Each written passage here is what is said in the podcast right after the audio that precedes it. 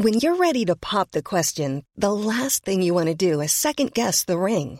At Bluenile.com, you can design a one of a kind ring with the ease and convenience of shopping online. Choose your diamond and setting. When you find the one, you'll get it delivered right to your door. Go to Bluenile.com and use promo code LISTEN to get $50 off your purchase of $500 or more. That's code LISTEN at Bluenile.com for $50 off your purchase.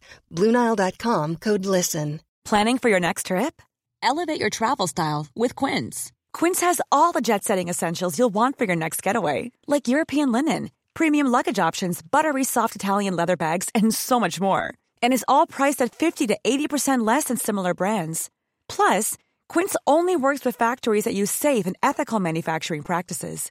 Pack your bags with high-quality essentials you'll be wearing for vacations to come with Quince. Go to quince.com slash pack for free shipping and 365-day returns. A lot can happen in three years, like a chatbot may be your new best friend. But what won't change? Needing health insurance. United Healthcare Tri-Term Medical Plans, underwritten by Golden Rule Insurance Company, offer flexible, budget-friendly coverage that lasts nearly three years in some states. Learn more at uh1.com. Vi är denna vecka sponsrade av Indie Beauty. Och Sofie, det här tycker jag är extra fint och extra roligt. Ja men Indie Beauty är ju ett skönhetsvarumärke som jag tror att väldigt många känner till, men det jag älskar mest det är att Indie Beauty liksom vill vara mer än bara produkter, vilket de ju också är. Exakt. Indie Beauty står ju för Independent Beauty, skönhet på dina villkor och för din egen skull. Och Indie Beauty tror ju stenhårt på ett alternativt skönhetsideal fritt från måsten, skam och känslor av otillräcklighet. Där är jag helt med Indie Beauty. Jag med. Det är så jag vill att skönhet ska vara. Ja men verkligen. Och vet du vad som är nytt för i år Sofie? Berätta. Från och med i år så skänker Indie Beauty 1% av sin försäljning till Suicide Zero, Tjejzonen och Djurens Rätt. Så när man handlar produkter från Indie Beauty så kan man liksom känna att man också ger tillbaka till samhället. Ja, kraften i tillsammans. Ska jag säga en sak nu då, Mm. som jag, det, men det är detta jag är extra glad över.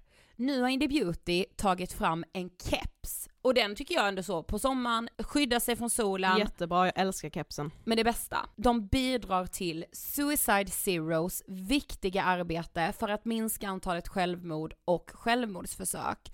Så för varje såld keps så går hela vinsten, 100 kronor, direkt till Suicide Zero. Då kan man liksom göra nytta både för samhället och sin hud på en och samma gång. Ja, och kepsen kostar 169 men alltså hela vinsten går då som sagt till Suicide Zero. Mm. Så om man vill göra skillnad när man är där ute i solen, nu när den börjar titta fram, då ska man välja den här kepsen. Den säljs exklusivt på indiebeauty.se och på Apotea. Tillsammans kan vi skapa en ljusare framtid. Vi ses med kepsarna på! Tack Indie Beauty. Vi är sponsrade av Mindler och som ni säkert vet sedan tidigare så är vi ju ute på psykologresan tillsammans. Men hur vet man egentligen när det är dags att söka hjälp? Ibland uppstår saker i livet som kommer utmana oss och kännas tufft. Det mesta självläker vi oss igenom, för vi är menade att ta oss igenom en viss mängd påfrestningar. Men ibland behöver man professionell hjälp för att ta sig ur jobbiga perioder i livet. Men vart går då gränsen? Vad är en del av livets skavighet och när är det läge att söka hjälp? Det sägs till exempel att stress är farligt, men att också kan vara bra. Alla sover dåligt ibland, så när har man egentligen sömnproblem? Ångesten kommer väl krypande för de flesta någon gång. Så när ska man se ångesten som outhärdlig? Hur vet jag? Med oss som psykolog har vi såklart min gamla psykolog Linnea Seidbrant. Men Linnea, vad är egentligen utmattningssyndrom? Utmattningssyndrom är en konsekvens av svår och långvarig stress utan möjlighet till återhämtning. Vi är ju då skapta för att klara av stress, men vi behöver också återhämtning. Om du utsätts för för mycket stress under en lång period utan att du får till den nödvändiga återhämtningen så kommer kroppen till slut att säga ifrån. Och det är faktiskt så att alla har en gräns.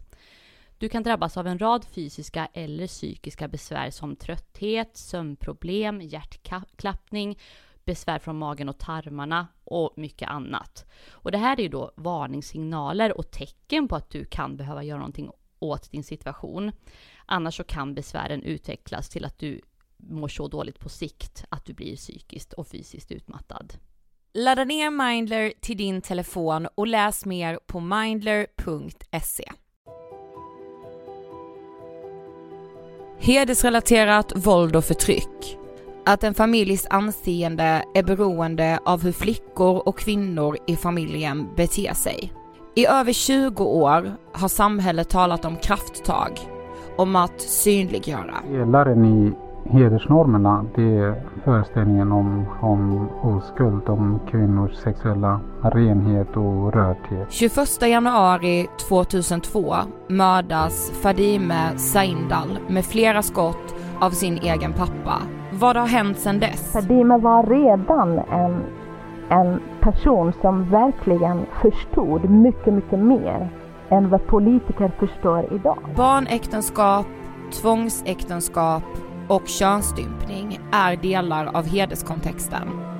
Företeelser som blir livslånga trauman. Orkar vi se flickorna som behöver oss? Och vem står på deras sida? Hon sa, hon sa först att vi ska till en läkare för att se om du är oskuld eller inte. Det här gjorde jätteont att höra. En av mina bröder kallar mig för hora. Du lyssnar på Ångestpoddens serie Vi måste prata om hedersförtryck. Och idag träffar vi Camilla Stark, överläkaren som djupintervjuat hedersdömda förövare. Hej på er och välkomna till avsnitt 419 av Ångestpodden och del 5 av vår serie Vi måste prata om hedersvåld. Hej! Hej! Hur mår du? Du fyller 30 snart. Jajamän, men en vecka till. Vi hinner göra Ja. ett poddavsnitt till när jag är Sant. 20 någonting. Men Sant. jag känner ju att det känns bra. Skönt. Hur mår du? Jag mår, nej men jag mår bra faktiskt. Jag eh, är väldigt eh, exalterad över att ni lyssnare ska få höra den här delen av poddserien även för nästa veckas eh, del. Och sen vill jag också tacka för alla eh, fina ord om förra veckans avsnitt med Maria Rashidi. Mm. Eh, fortsätt sprida de här avsnitten. Jag eh, tycker att de är obligatorisk lyssning om man rör sig i ett eh, samhälle. Ja, alltså jag tror du skulle säga så bara om man jobbar med det här Nej, eller om man gör det, nej, man nej. bara nej alltså alla. Ja! Just för att det, alltså enda typ sättet att upptäcka det här och minska det är ju kunskap. Här, Absolut. det måste vara folk runt omkring som reagerar och Ja. som ser tecken och varningssignaler, men också att barn som växer upp i en hederskontext vet ju inte om att de gör, alltså de har ingenting att jämföra med, så för dem är ju allting normalt tills de kanske börjar upptäcka att så här, shit mina vänner har inte de här begränsningarna som jag har, Nej. men då kan det vara för sent liksom. Ja men som, som Jasmin beskrev det i eh, del två av vår serie, som själv lever i hederskontext.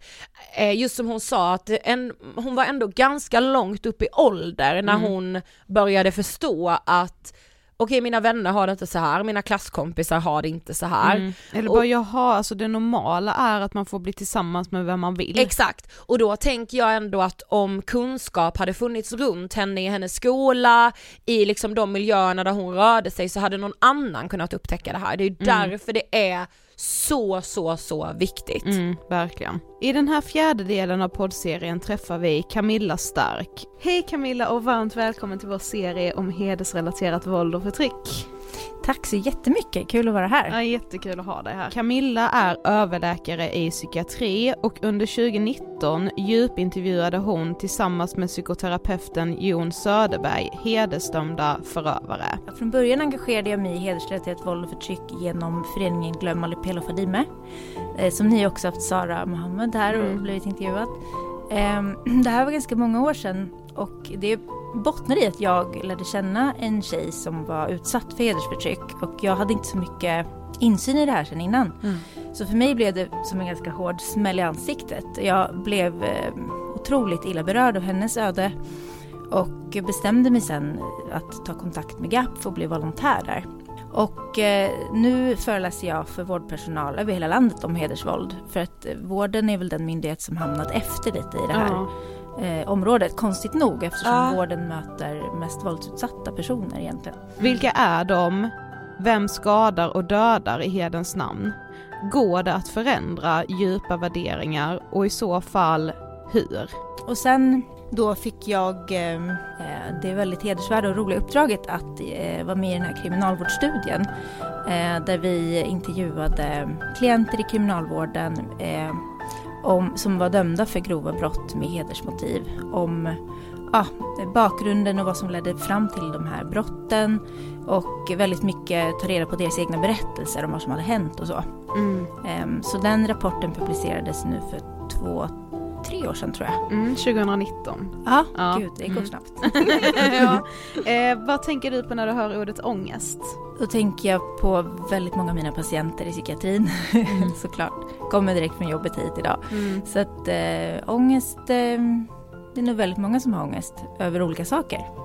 Äh, och i psykiatrin träffar vi ju de som har allra mest ångest och är allra sjukast. Mm. men lite ångest har nog alla, även jag ibland och så. Mm. Mm. Men, ja, men som, som vi sa och som du var inne på så vill vi ju i det här avsnittet fokusera lite mer på förövaren, alltså vem, vem det är och de som också då är dömda för något hedersrelaterat brott. Vilka är de? Om du ska försöka sammanfatta. Ja, oh, gud, det är väldigt svårt att sammanfatta och eh, jag är heller inte någon eh, allsmäktig eh, allvetande kring det här. Jag kan bara säga vad, vad vi har kommit fram till i den här studien och det finns ju lite studier sedan innan också, rent internationellt. Och ja, några få studier i Sverige då, som mest är registerstudier. Mm -hmm. eh, om jag skulle bara säga vad vi min bild av det här utifrån mm. den forskning som finns, det är ju att det här är en ganska brokig skara individer, vilket också är ganska logiskt för att det är alla som växer upp i en sån här kontext kanske inte utvecklas till att själva begå brott. Vissa tar ställning emot det, mm. lite beroende på vad man möter under livets väg. Um, men vissa eh, begår de här brotten, vissa förtrycker, vissa eh, kanske uppvisar antisociala drag, det vill säga att man kanske inte har förmåga riktigt att sätta sig in i offrets eh, situation eller känna skuld, man är impulsiv, man bryr sig inte om om man kränker någon annan och så vidare. Eh, medan andra inte alls är så, kanske har väldigt mycket samvetskval och eh, funderar över vad man har gjort, om det här är rätt eller Eh, så jag tror att det finns alla möjliga individer här. Eh, det som vi såg, man kan ju säga att den här studien vi gjorde var ganska begränsad. Det var 16 klienter vi intervjuade. Eh, det som man såg bland dem, och då går det ju inte att generalisera på hela gruppen, plus Nej. att det var deras egen berättelse, så det säger ju inte hela sanningen, det säger deras egen mm. bild och framförallt bilden av vad de ville um, visa oss eller berätta ja, för oss mm. dessutom. Men i den här studien då, eh, om man jämför det med andra kriminalvårdsklienter som begår eh, våldsbrott, eh, lite lägre grad missbruk, men och till exempel eh, förekom mindre ofta tidigare i kriminalvårdsregistret. Mm. Så man kan anta att de kanske i mindre grad blivit dömda tidigare. Um, än andra klienter i kriminalvården då. Eh, men det är svårt att säga. Sen fanns det väldigt många andra gemensamma drag med andra eh, klienter. Och eh, sen finns det rätt mycket intressanta aspekter och eh, diskutera ehm, hur pass mycket heder påverkar de här personerna. För att de ville i regel inte benämna det som att de hade en hederskultur själva, de vi pratade med. Mm. Um, och det tycker jag kan finnas både logiska förklaringar till, Um, ja, men vi kanske kan komma in på det sen. Ja, men bara, jag bara kom, en på. fråga som bara slår mig nu då direkt, alltså ville de hellre då erkänna att det bara var ett vanligt mord eller typ, alltså så ansåg de det själva typ som kvinnohat eller liksom hur såg de själva på det de var dömda för? Mm det var ju ganska olika bland de här. Det fanns en grupp som inte alls erkände brott och då, ja, då var det ju svårt kanske att prata om det på det sättet. Mm. Eh, en grupp använde andra förklaringsmodeller till varför det blev som det blev. Att jag var stressad eller jag, eh, det var så många faktorer, jag var i kris, eh, jag visste inte hur jag skulle hantera det här. Det var ofta kanske en separation som hade liksom eskalerat, någon ja. konflikt. Um, Och man, man hittade andra förklaringsmodeller kring varför det hade blivit som det hade blivit. Mm. Det var ju en av klienterna som sa väldigt uttryckligen att det här var hedersrelaterat och det var för att återupprätta min heder. Oh. Men det var en utav 16 då som sa det. Oh. Oj, det var inte fler liksom. Nej. Oj, vad intressant. Ja vi kommer komma in mer på det. Men, ja. ja men och det ska vi ju nämna också att det var du tillsammans med Jon Söderberg som... Precis, det var, som... jag ska inte på något sätt ta åt mig äran för hela det här för att det var Lina Grip hette hon som var forskningsledare ah. i projektet och jag blev tillfrågad att vara med som eh, en utav de två som skulle intervjua då klienterna. Så det var jag och Jon Söderberg som var behandlare och eh, terapeut inom kriminalvården. Mm. Mm. Men hur, ja, hur var det att få den frågan om du vill göra det? Alltså det måste ju ändå varit väldigt, alltså såklart att det nog är ångestladdat och så, men det måste också varit väldigt spännande. Väldigt, alltså ja. för mig var det ju verkligen ett drömjobb, ja. jätteroligt och eh, jag tycker det är så intressant hur, ja men att gräva i varför människor gör som de gör och varför det blir som det blir och också att försöka få personer att öppna upp och berätta berätta och liksom känna förtroende. Det är mycket det som jag jobbar med också i psykiatrin. Så mm.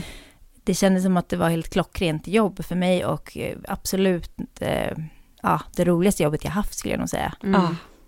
Men vi läste att alltså, just de som misshandlar och mördar på grund av heder, att det lite har varit som kriminalvårdens eh, blinda fläck. Eh, varför då? Ja men det är väl för att man inte, eh, man har ju dels inte haft någon brottsrubricering eller kunnat identifiera de här personerna särskilt eh, lätt eller bra tidigare. Eh, så de har väl bara funnits där liksom bland andra klienter och så har man kanske satt dem i ett relationsvåldsprogram utan att veta om det verkligen stämde riktigt ja. med problematiken. Ehm, sen har man gjort ehm, ja, nu, det pågår, och det pågick då när vi gjorde studien också, eh, försök att ha behandlingsgrupper med de här eh, jag jobbar ju inte i kriminalvården eh, nu och jag vet inte riktigt hur det ser ut idag, men jag tror man har jobbat allt mer med det skulle jag gissa. Um, men sen är det väl också att man inte har vetat hur man ska rehabilitera eller om det mm. går och sådär. Det mm. finns mycket forskning kring andra våldsbrott och relationer, brott, våld i nära relation och sådär. Men just den här har ju inte funnits mycket forskning kring och finns fortfarande inte så mycket forskning eh, kring. Så att eh, det är nog ett område där det behövs mycket mer framöver, mm. verkligen. Mm. Ja det känns det som att den bilden har vi verkligen fått genom alla våra gäster som vi har haft nu i mm. serien, att man efterfrågar så mycket mer forskning. Eh, men eh, vad skulle du säga, kan man liksom behandla hedersförövare på samma sätt som man behandlar, behandlar förövare som då till exempel är dömda för sexuellt våld eller våld i nära relationer? Um, svår fråga och uh, jag tror inte jag kommer kunna besvara den riktigt. Uh, men jag tror att det finns beröringspunkter. Uh, ett, något som vi såg i studien var att många till exempel saknade lite grann strategier att hantera starka känslor, brist på Just känsloreglering. Det. det här är ju något man ser um, i andra våldsbrott också. Eh, och det är till exempel en sak man kan jobba med. Eh, en annan sak man kan jobba med och som väldigt många av de här klienterna själva liksom faktiskt satte ord på, det var ju att eh, de hade inte vetat hur de skulle lösa en situation. Det blev som någon slags problemlösningskris inom dem. Mm. Nu har min eh, eh, fru gjort så här, nu har min dotter gjort så här. Eh, och så var man kanske, man hade ett sätt att agera som var inlärt och eh, saknade liksom metoder för att hantera det på något annat sätt. Mm. Eh, vissa hade ju faktiskt vänt sig till eh, jag minns särskilt en som verkligen hade vänt sig till myndigheter ganska mycket, upplevt att han inte får hjälp, var desperat och, och sen så blev det så här. Det var hans förklaringsmodell. Sen så fanns det ju eh, väldigt många andra aspekter i det här. Vad är det som gör att man, man går så långt, att man begår ett så grovt brott? Det, är ju, det är ju, handlar ju mycket om ja, personlighetsaspekter också, mm. tror jag. Um, så att, men den, kärnan i vad som skiljer just hedersvåldsförövare med, mot andra, eh, det är ju värderingar och den biten. Eh, det tror jag absolut att man kan jobba med. Och det, jag tycker också att de här klienterna, även om vi vet ju inte om det de sa till oss kanske var hela sanningen, för att man vill ju gärna framstå i så god dagar som möjligt. Mm. Och i synnerhet, tänker jag, i en kontext där man vet att majoritetssamhället ser, tycker inte hederskultur är någonting acceptabelt, Mm. utan precis tvärtom. Då vill man ju gärna framhäva att jag har minsann ingen hederskultur. Ehm, men det som var intressant var ju att de, de kunde prata väldigt mycket om eh, sina egna värderingar och det framkom mycket eh, hederskultur i värderingarna. Att Ja. man tyckte att ja, men flickor skulle vara oskuld. Någon hade skickat sin dotter på en oskuldskontroll här i Sverige till exempel.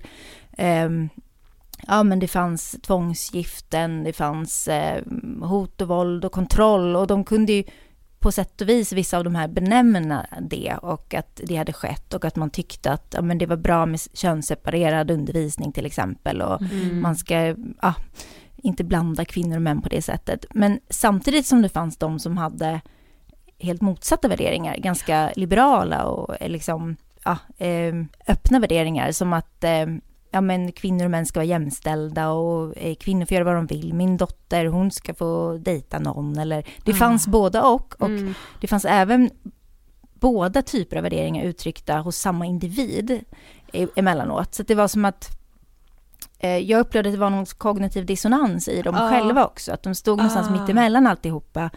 Eh, och det tyckte jag eh, var ett tecken på att det kanske går att jobba med det här. Exakt. Mm. Det var också den här eh, klienten som faktiskt eh, sa att det var hedersrelaterat eh, våld. Eh, det gick väldigt, eh, väldigt bra att prata med den personen eh, om det här och vi kom in i väldigt intressanta diskussioner och det kändes som att man hade kunnat gräva väldigt mycket djupare i det och liksom ehm, delvis så ifrågasatte klienten också sig själv i hela samtalet. Mm. Och så att det absolut att det gick att prata om det och det tror jag, om man ska se det som en aspekt i behandlingen eh, så tror jag att det är en framkomlig väg om man gör på rätt sätt. Mm. Exakt. Ehm, ja, Va- ah, Gud det är så intressant. Alltså just det här dels, alltså den kognitiva dissonansen i dem själva. mm. Men samtidigt, ja men någonstans hoppfullt på något vis. Jag mm. men okej då finns det ju något frö där liksom. Mm. Ja, jag tycker det är jättespännande. Men hur liksom presenterade ni er för dem eller hur fick ni kontakt med de här 16 personerna? Så visste de att vad det var ni liksom studerade? Ja, alltså det här var ju, det var ju regeringen som gav ett eh, uppdrag till Kriminalvården att genomföra studien. Ja. Så det hela var väldigt ehm, ja, väl upplagt för att de hade ju möjlighet att på något sätt hjälpa Kriminalvården att utveckla verksamheten. Mm. Eh, och så vi hittade just de här klienterna, det var att det hade gjorts ett par år tidigare en registerstudie inom kriminalvården där man eh, tittade just på hedersrelaterade brott och jag tror man hade någonstans över 90 klienter i den studien. Mm. Det var ganska få av dem som fortfarande var kvar på anstalter. Eh, men, och de inkluderade vi då i studien. Sen var det ytterligare klienter eh, där man tillfrågade eh, behandlare eller kriminalvårdare som jobbade med klienter på anstalterna om de kunde identifiera några fall bland sina klienter. Ja. Och då fick vi in ytterligare fall. Och sen så hade vi, var vi en liten grupp som satt och gick igenom alla de här eh, fallen, eh, domar, eh, vad det stod i register och så vidare. Och så försökte vi själva bilda oss en uppfattning. Tycker vi att det verkligen är hedersrelaterat brott? Och ja, efter det så tillfrågade vi dem helt enkelt. Mm. Och då blev det eh, ungefär hälften som tackade ja av dem vi frågade. Mm. Så 16 personer. Men vet man någonting, alltså eh, vet man hur många som sitter i fängelse, alltså som sitter inne för hedersrelaterade brott? Nej, det vet man inte exakt. Nej. Eftersom vi inte haft någon sån kodning i Mm. brottsbalken. Man har börjat, tror jag, flagga lite. Jag är osäker på hur det funkar idag. Men eh, man, då screenade man ju ofta, då när vi gjorde studien, då fanns det en rutin i kriminalvården att man screenade just för hedersrelaterat våld om man Ah. misstänkte det och så. Och idag tror jag inte att man har, ja, jag vågar inte svara på det. Nej. Det är nog bättre om någon inom kriminalvården svarar på det. Men till exempel en utav klienterna vi intervjuade eh, hade ju inte det här i sin, sin, sin domslut. Det stod inte nämnt där, utan det hade framkommit senare. Så att jag tror att man Ah. eh, ja, jag tror att det finns säkert en hel del som man inte har noterat Mm, eller ja, så skulle jag gissa. Mm. Mm. Men vad ställde ni då för typ av frågor? Mm, och det var jättemånga frågor. Ehm, vi gick igenom liksom deras uppväxt, ehm, familjerelationer, våldsutsatthet, ehm, hur hela liksom hela den sociala anamnesen kring familjebildning, utbildning, karriär, ehm, eh, psykisk ohälsa, kroppslig ohälsa, eh, våldsutsatthet eh, och sen framförallt hur man då, ja, beskrivning av brottet och tiden innan brottet, eh, tiden efter brottet, eh, hur relationer till familjen mm, liksom var påverkade i samband med brottet försökte vi gå in på.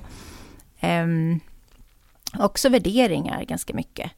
Ehm, ganska specifika frågor kring det. Ehm, och eh, Hej, jag Ryan Reynolds. På Mint Mobile, we like to do the opposite of what Big Wireless does. They charge you a lot, we charge you a little. So naturally, when they announced they'd be raising their prices due to inflation, we decided to deflate our prices due to not hating you.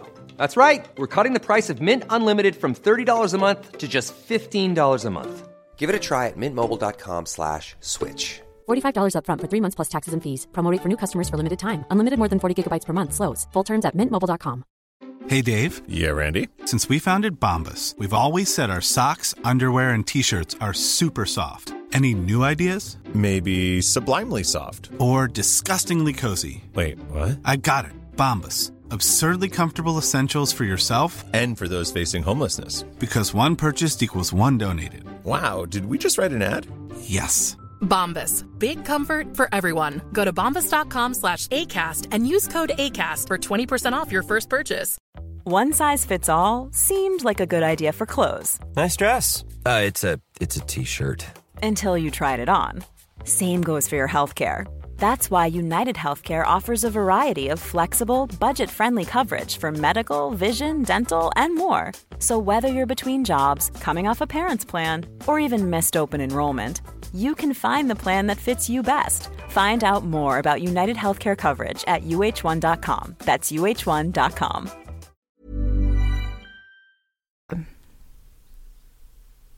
då värderingar som kan vara hederskulturella värderingar som Mm. oskuldsnormer och så. Mm.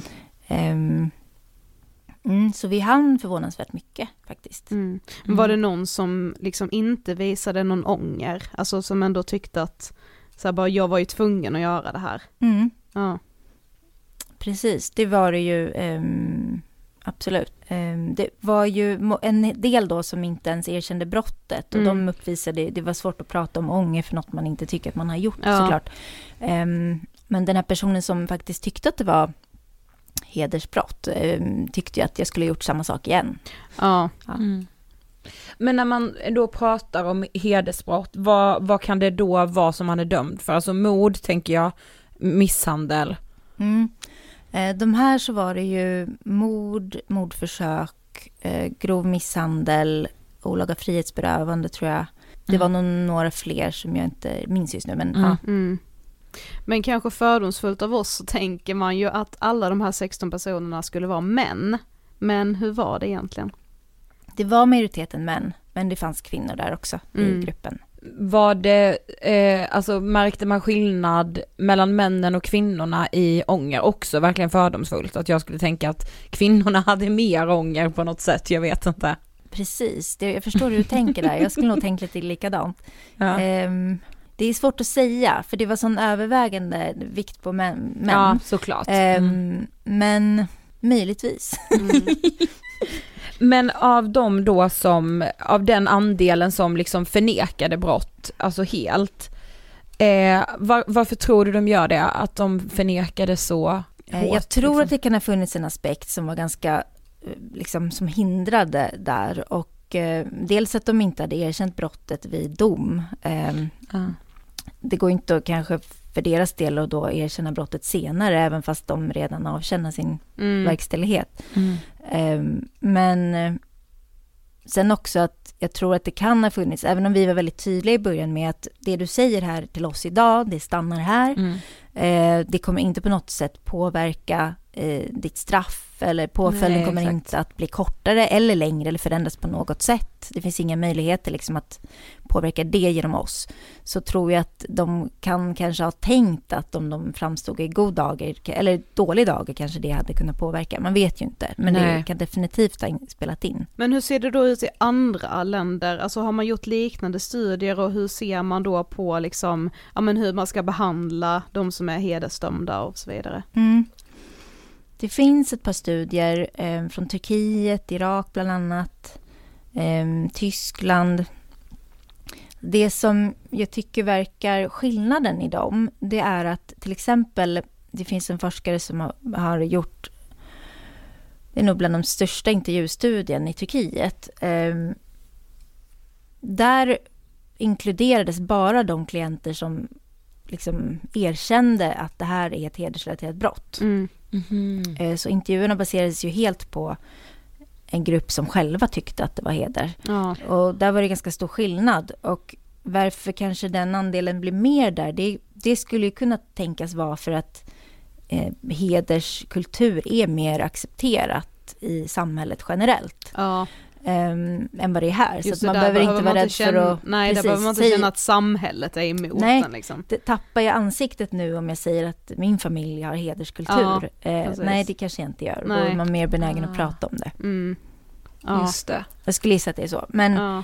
ehm, Men har man, an, har man be, olika behandlingar där till exempel för då personer som har blivit hedersdömda eller någon som bara är liksom dömd för miss, en vanlig misshandel säger jag nu Ja. i citationstecken men ja ni fattar. det är en jätteintressant fråga. Jag önskar att jag visste svaret på den. Tyvärr Mm. gör jag inte det. Nej. Ehm, nej, vi får forska i det. Ja. Men hur svårt är det då egentligen att avgöra om det finns ett hedersmotiv i ett brott eller inte? Mm. Det där är nog en knäckfråga. Ja. Jag tycker att det verkar vara väldigt svårt eftersom en person oftast då kanske inte erkänner det. Ja exakt, det var det jag tänkte. Ja, ehm, det känns som att man ofta... Så vi tog ju hänsyn i det när vi inkluderade de här klienterna till eh, offrens beskrivning av brotten och så vidare som ofta Mm. framkommer i en, en dom då, till exempel. Ehm, där det kanske blir tydligt att det här var heder det handlade om. Eh, så att om man går på de beskrivningarna eh, så kanske man liksom hittar nycklar i det.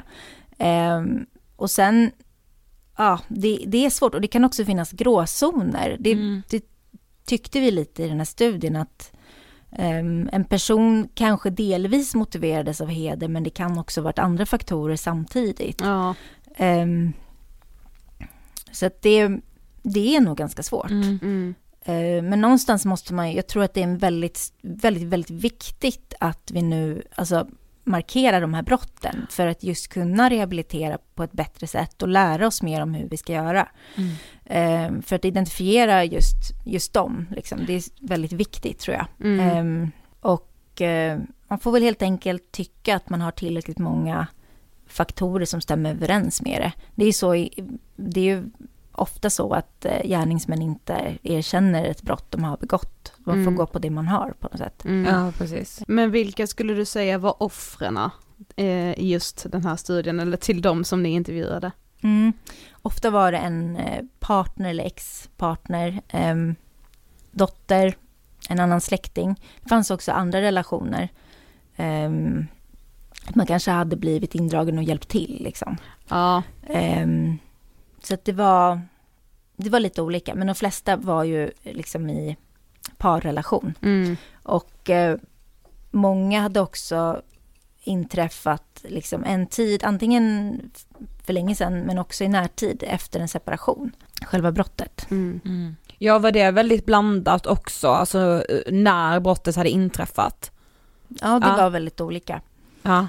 Eh, de flesta var väl lite, de flesta var nog kortare än två, tre år sedan de Ja. hade påbörjat sin verkställighet. Och så fanns det de som hade suttit mycket längre. Ja. Ehm, och de flesta hade ju påföljd över tio år tror jag i domen. Mhm, mm. Det varierade från två års fängelse till livstid. Mm. Och sen så var det, tror jag, fem av klienterna som hade utvisning i dom också. Okej, okay, ja. Och då var det ju ett tecken till att de hade varit kortare tid i Sverige eller hade kort, mindre anknytning till Sverige. Mm. Ja. Eh, men vi, vi sa ju det till dig att vi hittade dig genom den här artikeln i modern psykologi. Mm. Eh, och där pratade ni om att eh, hederskulturen faktiskt kan bli eh, alltså starkare, eller liksom värre när man kommer till Sverige. Mm. Hur då?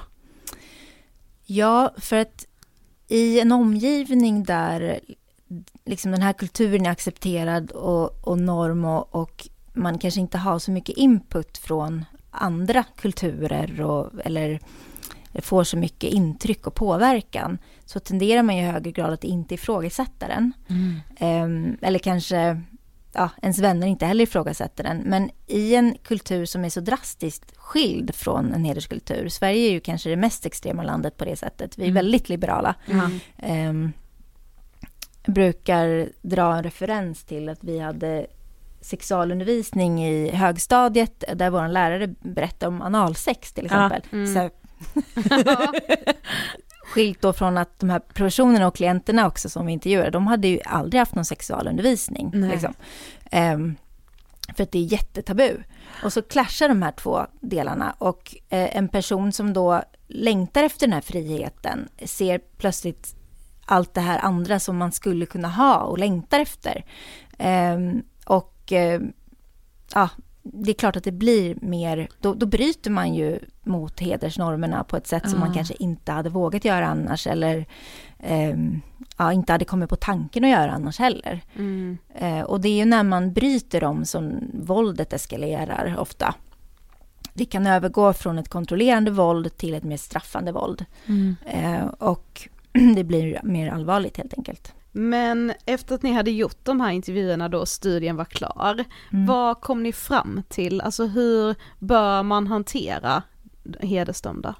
Det vi kom fram till um, var väl att det här är, det är en ganska brokig skara och vi behöver veta mer egentligen. Um, men en viktig lärdom var ju att det faktiskt går att prata om värderingar. Mm. Um, och att de själva också var öppna för att prata om det. Eh, att, att om man kan identifiera det och, och jobba tillsammans med värderingar eh, utöver då de här delar som kanske liknar andra eh, relationsvåldsklienter mm. med problem med känsloreglering eller en del antisociala drag och det så skulle man kanske kunna komma vidare. Jag hade verkligen velat göra en studie där eh, man kanske har mer utrymme till uppföljande samtal flera gånger under en längre tidsperiod och kanske ha grupp, eh, grupp liksom behandlingar. Jag vet att man jobbar mycket med gruppbehandlingar och Jon eh, jobbade också med gruppbehandlingar eh, med just heders eh, klienter dömda för heders, ah, mm, hedersvåld. Ah.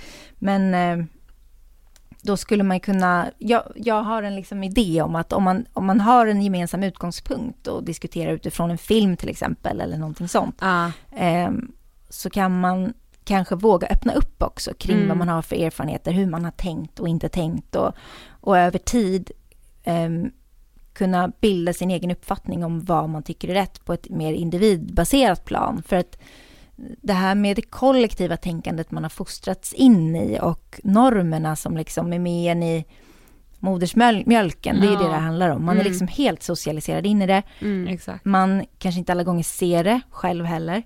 Eh, det kan ha varit bidragande till att de inte tyckte att de hade hederskultur, ja. fast de hade sådana normer, att de själva inte såg det. Liksom. Ja. Allt det där kanske man då kan börja ifrågasätta som individ, för att erfarenheten är ju också att i de här samhällena som är väldigt auktoritära och kollektivistiska, där ifrågasätter man eh, ingenting. Man är upplärd att inte tänka kritiskt, utan mm. att bara acceptera det som är. Eh, och om det är så, då kommer man heller inte ifrågasätta sina normer och liksom tänka kritiskt kring det.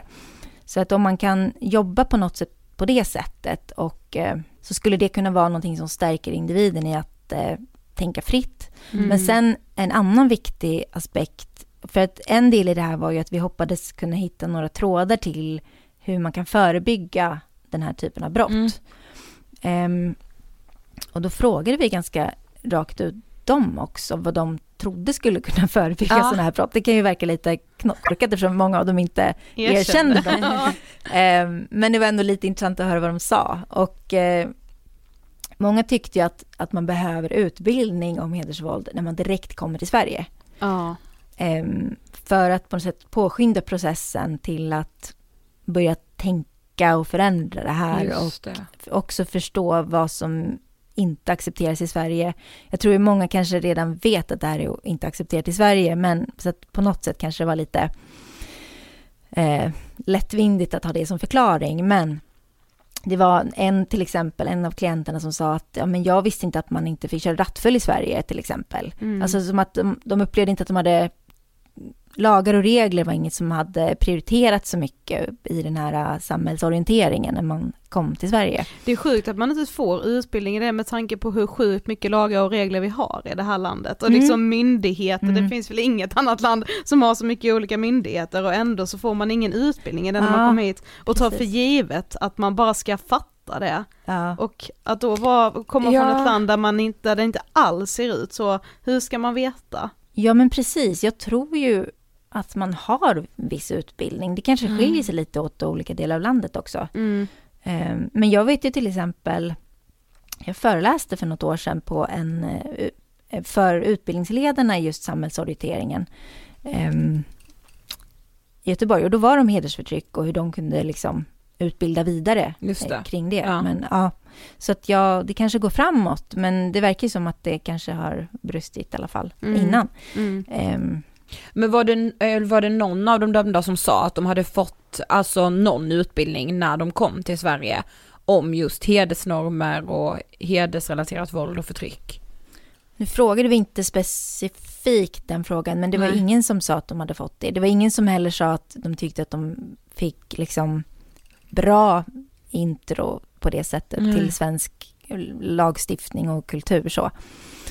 Ehm, jag tror man kanske har en bild av, ja, en, det skulle kunna vara så att man har en bild av Sverige som att kvinnor är väldigt lössläppta Eh, och liksom att man nästan ser ner på det eller tycker att det inte förstår riktigt liksom positiva aspekterna av det. Mm. Eh, ja, ja, där nu bara spekulerade jag själv. Mm, liksom, ja. men, Vad skulle du säga då att samhället i stort kan göra för att ändå förebygga hedersförtrycket? ja, men det här vi nyss pratade om tror jag är en viktig del. Ehm, samhället i stort är ju utbildning verkligen tidigt i skolan. Alltså, man måste utbilda unga om hedersvåld och vad det är och vad man Ja. har för rättigheter och pojkarna om vad de inte ska göra och vad de inte ska gå med på av sina familjer. Ehm, sen tror jag en viktig del också är att försöka, det, det är ju inte så enkelt att liksom konservativ rel- religiositet innebär att det också finns ett hedersvåld. Det är ju verkligen, men det finns beröringspunkter. Det finns de som är väldigt extremreligiösa och utövar hedersvåld och så finns det de som inte alls är det. Men eh, jag tror att de här religiösa friskolorna verkligen spär på hedersvåldet. Mm. Eh, så jag skulle ju vilja att religiösa friskolor förbjöds. Jag tycker det är jättedåligt. Eh, och jag tror det är en viktig del i förebyggande arbetet. Ehm, jag tror att man måste bli bättre på att nå utövarna, killarna. Gärna tidigt också. Mm. Och så tror jag att man, en annan sak som jag tänkte på i den här studien var ju att det var en del som beskrev att de inte visste vad de skulle göra. Eh, hon ville skiljas, jag fick panik, jag kände mig kränkt, jag blev arg, impulsiv. Eh, det här var liksom en kränkning för mig. Eh, jag tror att det skulle, samtidigt då som samma person som ut- uttryckte det kunde säga att eh, jag ville egentligen inte döda henne men det bara blev så. Ehm, om man då i en sån situation skulle haft med sig i bakhuvudet att vänta nu, jag eh, känner den här känslan att jag måste döda henne. Jag skulle kunna höra av mig någonstans Ja, och faktiskt lita på att det finns hjälp då också. För det är ju det. Eh, det var till och med så en klient som hade försökt höra av sig men inte upplevde att eh, han fick hjälp då. Oh, men varför hade han hört av sig? För att han kände själv att så här, det finns en risk att jag kanske dödar? Eller liksom vad hade han Jag tror inte det var så konkret utan mer att jag mår jättedåligt, jag är jättestressad, jag vet inte vad jag ska göra. Mm. Mer så. Um, och så, jag tror att den personen hade, um, ja det var väldigt, utav den här skilsmässan hade han kommit i en väldigt eh, ansträngd situation, mm. liksom rent ekonomiskt och allting hade havererat. Mm. Um, så det blev så många faktorer som adderades upp. Mm. Um, och uh, ja, det, det är inte, jag tror inte riktigt på hans egen förklaringsmodell att det var hela, hela sanningen liksom, utan det var ju personlighetsmässiga saker som fick det här att gå så snett. Men um, jag tror att man behöver jobba förebyggande genom att ja, hitta de potentiella förövarna och faktiskt erbjuda någonting annat. Ja, exakt. Så här kan du hantera en skilsmässa. Mm. Och så bara så här gör man. Mm. Alltså vad skulle du säga, är det liksom, nu har du varit inne på det lite också, men vad är det viktigaste du tar med dig från att ha gjort de här intervjuerna? Att eh, de här förövarna som vi intervjuade eh, var alla möjliga personer. Alltså personer som kunde begått andra våldsbrott också. Eh, personer som kanske bara skulle begå hedersbrott. Personer som egentligen inte ville gå, begå brott. Eh, alla möjliga kategorier. Och att de själva verkligen var påverkade av den här kontexten. Mm. På ett sätt som de kanske inte riktigt var medvetna om. Um, men också att de, de hade ju också beskrev att de hade varit utsatta för hedersvåld, tvångsgifte och så vidare. En till och med grät när han berättade om en förlorad kärlek som hon inte fick och sådär i ungdomen. Så att, ja, jag jag skulle nog säga att jag tar med mig att det här tror jag går att eh, jobba med och vi måste forska vidare helt enkelt. Mm.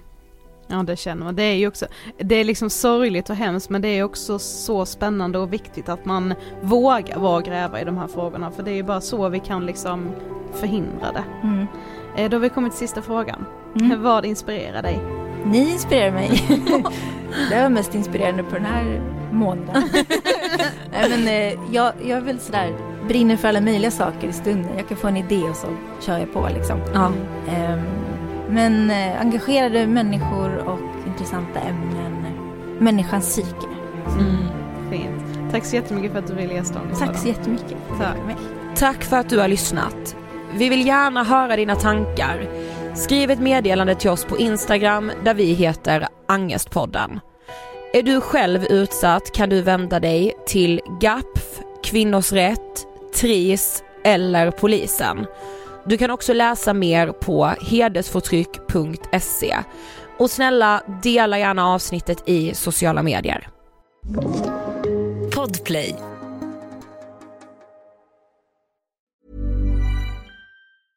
Mom deserves the best, and there's no better place to shop for Mother's Day than Whole Foods Market. They're your destination for unbeatable savings, from premium gifts to show-stopping flowers and irresistible desserts. Start by saving 33% with Prime on all body care and candles. Then get a 15-stem bunch of tulips for just $9.99 each with Prime. Round out Mom's menu with festive rosé, irresistible berry chantilly cake, and more special treats. Come celebrate Mother's Day at Whole Foods Market. Planning for your next trip?